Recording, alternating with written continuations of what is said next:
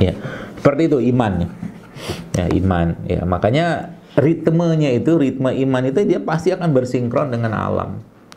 Ya, ada sholat gerhana. Ya, kan semua yang Nabi katakan tuh, misalkan ada gerhana kita suruh sholat. Kita nggak tahu maknanya apa, tapi kan kayak semacam ada apa ya? E, sinkronisasi, harmonisasi kita dengan alam. Ya, jadi kalau kita sekarang misalkan e, jarang ketemu matahari, kenapa kita malam disuruh tidur tutup lampu, kata Nabi. Kan padamkan lampu, ternyata itu juga berefek ke sistem tubuh kita. Ya padamkan lampu kata Nabi. Nanti kalau pagi-pagi itu ya sudah. Ya buka tirai matahari kena ke mata kita langsung berubah sistem tubuh kita dari malam parasimpatik ke suyang itu jadi simpatik. Kalau anda baca penelitiannya ngeri loh orang-orang yang tidurnya bermasalah saja itu ternyata punya peluang potensi kanker yang sangat besar nanti baca risetnya ada tidurnya saja bermasalah. Maka itu kan sunatullah kan. Ya kayak sekarang ini ya kalau di El Nusa nggak ada ngapa-ngapain ya sudah ada siang-siang begini misalkan ada gajian atau apa ya tidur mau 10-15 menit gitu kan kayak lulah itu loh untuk tidur siang yang diajarkan Nabi SAW karena itu tidur untuk mengistirahatkan jantung. Kalau bahasa lainnya tidur untuk me-refreshing enzim. Itu iman. Ya itu iman. Sampai jam berapa kita? Sampai jam 3 Pak Bambang sampai jam 3 wah kalau sampai jam 3 oh enggak kalau sampai jam 3 ente puas ane lemas ya udah kita lanjutkan sedikit ya. Nah itu iman ya. Nah yang kedua ya udah imun ya imun ya tidak lepas dari iman tadi. Pasti itu di situ letaknya maka eh, terus ya perbanyak amal ibadah yang memberikan ketenangan ya terus berikan uh, apa tuh namanya atau lakukan kebaikan-kebaikan yang kita belum pernah lakukan. Dan kalau secara tentang imun ya sudah, saya banyak bahas di berbagai kajian ya, imun kita itu kan letaknya di mana? Di semua sistem tubuh kita tuh ada im sistem imunnya. Ya, di semua sistem tubuh kita tuh ada sistem imunnya. Dari kulit ada, ya. Dari dari dalam ada, ya. Dan memang letak paling e, besar dan paling banyaknya adalah pada pada ada pada pencernaan atau pada usus. Ya kayak sekarang ini ya, saatnya teman-teman yang biasa mengkonsumsi makanan-makanan yang kurang bersih, kurang sehat atau mungkin makanan eh, apa tuh namanya?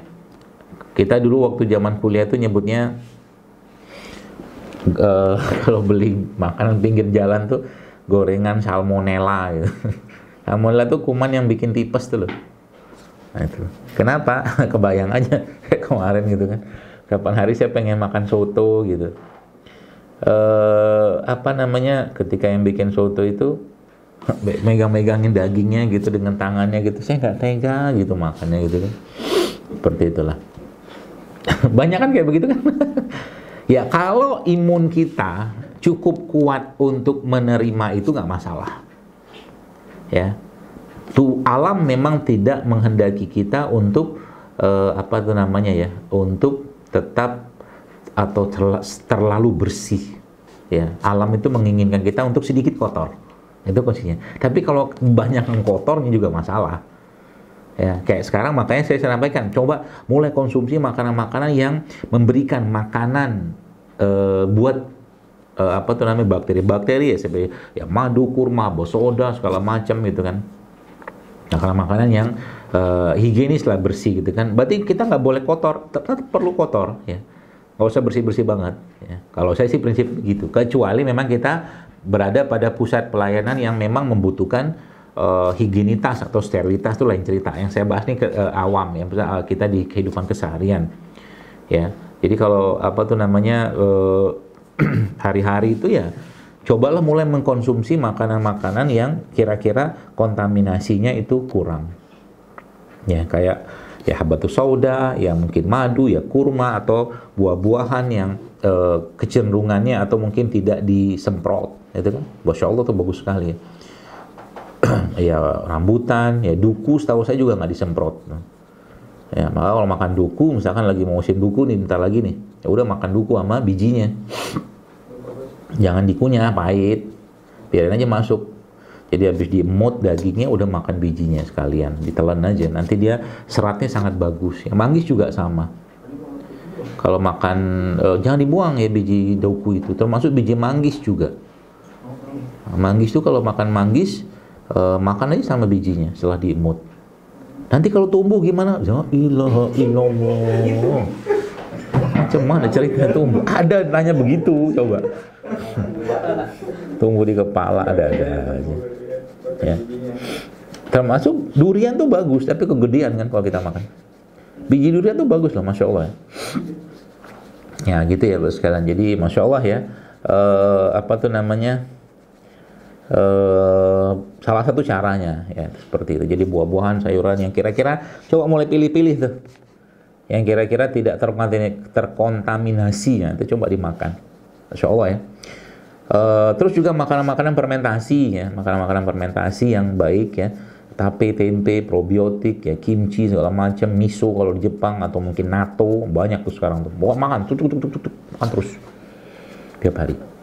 Ya. Bapak Ibu, saya kemarin sempat agak kagum ya, salah satu negara di Asia Tenggara ini yang sangat rendah angka uh, virus ini ya. Saya males nyebut namanya, angka virus saja. Adalah Vietnam Tahu nggak kenapa di Vietnam angka virusnya kecil? Karena di Vietnam kecenderungan masakan dari orang-orang sana itu masak apa mau makan gitu ya makan ambil makanan fresh sayur apa segala macam dimasak makan nggak ada dipanaskan kayak kita salah satunya saya lihat jadi fresh sekali makan jadi antioksidannya mineralnya semua uh, cukup uh, apa tuh namanya masih utuh gitu kan kalau kita kan semakin dipanaskan semakin lezat. ya gitulah. Ya. Maka di Indonesia kan ya rata-rata rumah makan kayak begitu. Saya nggak usah sebutin lah ya. Seperti itulah. Zaman dulu kan rumah makan nggak banyak. Coba lihat, kalau Anda lihat tarik 30 tahun, nggak banyak rumah makan. Orang makannya di rumah, ya makan ibu-ibunya, mak-maknya ya. Beli ke pasar, bawa ke dapur dia masak. Habis makan siang. Suami disangguin nanti buat siang kalau dia kerja. Malam kalau makan masak lagi kan masya Allah kan? Itu sebenarnya sederhana ya. Yang dimasak pun akhirnya masya Allah ya e, luar biasa ya. Maksudnya secara e, apa namanya tingkat kandungan nutrisi segala macam gitu ya bu sekalian jadi uh, luar biasa ya. ya jadi itu imun ya imun. Jadi maka sayuran buah-buahan ya kacang-kacangan biji-bijian ya, kayak sekarang madu kurma pokoknya apa yang kalau ada Al-Quran sebutin udah makan aja lah. Itu kuncinya. Jahe ya uh, atau mungkin juga kalau kita di Indonesia kan ada rimpang-rimpangan ini minum aja lah insya Allah bagian dari ikhtiar kita. Apakah itu menjamin semua? Tidak. Tidak tapi paling tidak kita tenang. Kalau iman yang sudah ada, maka kita tidak bersandar kepada sebab. Kita bersandar kepada Allah Subhanahu wa taala. Itu tawakal esensinya kan begitu. Karena banyak juga yang makan kurma, yang makan ini, makan itu segala macam kena juga penyakit ini segala macam. Mungkin ada sisi-sisi yang uh, berlubang dalam perjalanan kesehatannya, ya termasuk juga uh, coba ya mulai ketika anda melakukan sesuatu yang ada informasi dari Al-Quran dan hadis Nabi Wasallam maka coba tambahkan kalimat-kalimat yang meyakinkan anda untuk mendapatkan keberkahan di situ. Contoh begini, ini kan madu nih. Ya, madu misalkan. Dalam madu ini kan ada, ada janji kesembuhan dari Allah Subhanahu Wa Taala. Ya, maka Anda tagih janji itu dan termasuk juga janji kesembuhan dari Nabi kita SAW yang tentunya dari Allah semua. Maka ketika minum madu, minta pada ya Allah aku memohon kepadamu ya dengan keberkahan madu ini ya maka hilangkan atau sembuhkan penyakitku, buang eh, apa tuh namanya toksin-toksin atau apa macam-macam lah. Termasuk kurma juga sama. Apalagi kurma ajwa kayak begini masya Allah. ya simpel baru sekalian. Ya jadi kita apa tuh namanya mulai sedikit lebih uh, beradab ya. Beradab itu maksudnya begini dengan apa-apa yang Allah ciptakan. Ya contoh kalau kita mungkin sholat ya. Orang yang sholat misalkan dengan pakai baju kaos pakai celana jean nggak pakai kopiah boleh nggak? Boleh. Sholatnya sah. Kalau dia mengikuti rukun sholat ya sah Tapi jauh lebih baik di mata Allah atau dalam pandangan Allah ketika orang sholat dengan menggunakan baju sholat. Dia pakai kopiah, dia pakai minyak wangi, dia pakai sejadah yang bagus, dia bersih-bersih dulu sebelum ketemu Allah. Itu jauh lebih baik. Itu namanya beradab. Nah sama juga dengan mereka-mereka ini. Ya, dan produk-produk ciptaan Allah yang lain yang dia ciptakan di atas buminya ini. Saya kira mungkin begitu yang bisa saya sampaikan. Allah alam semoga bisa dipahami dan mohon maaf kalau ada yang salah dari kata-kata saya ini. Assalamualaikum warahmatullahi wabarakatuh.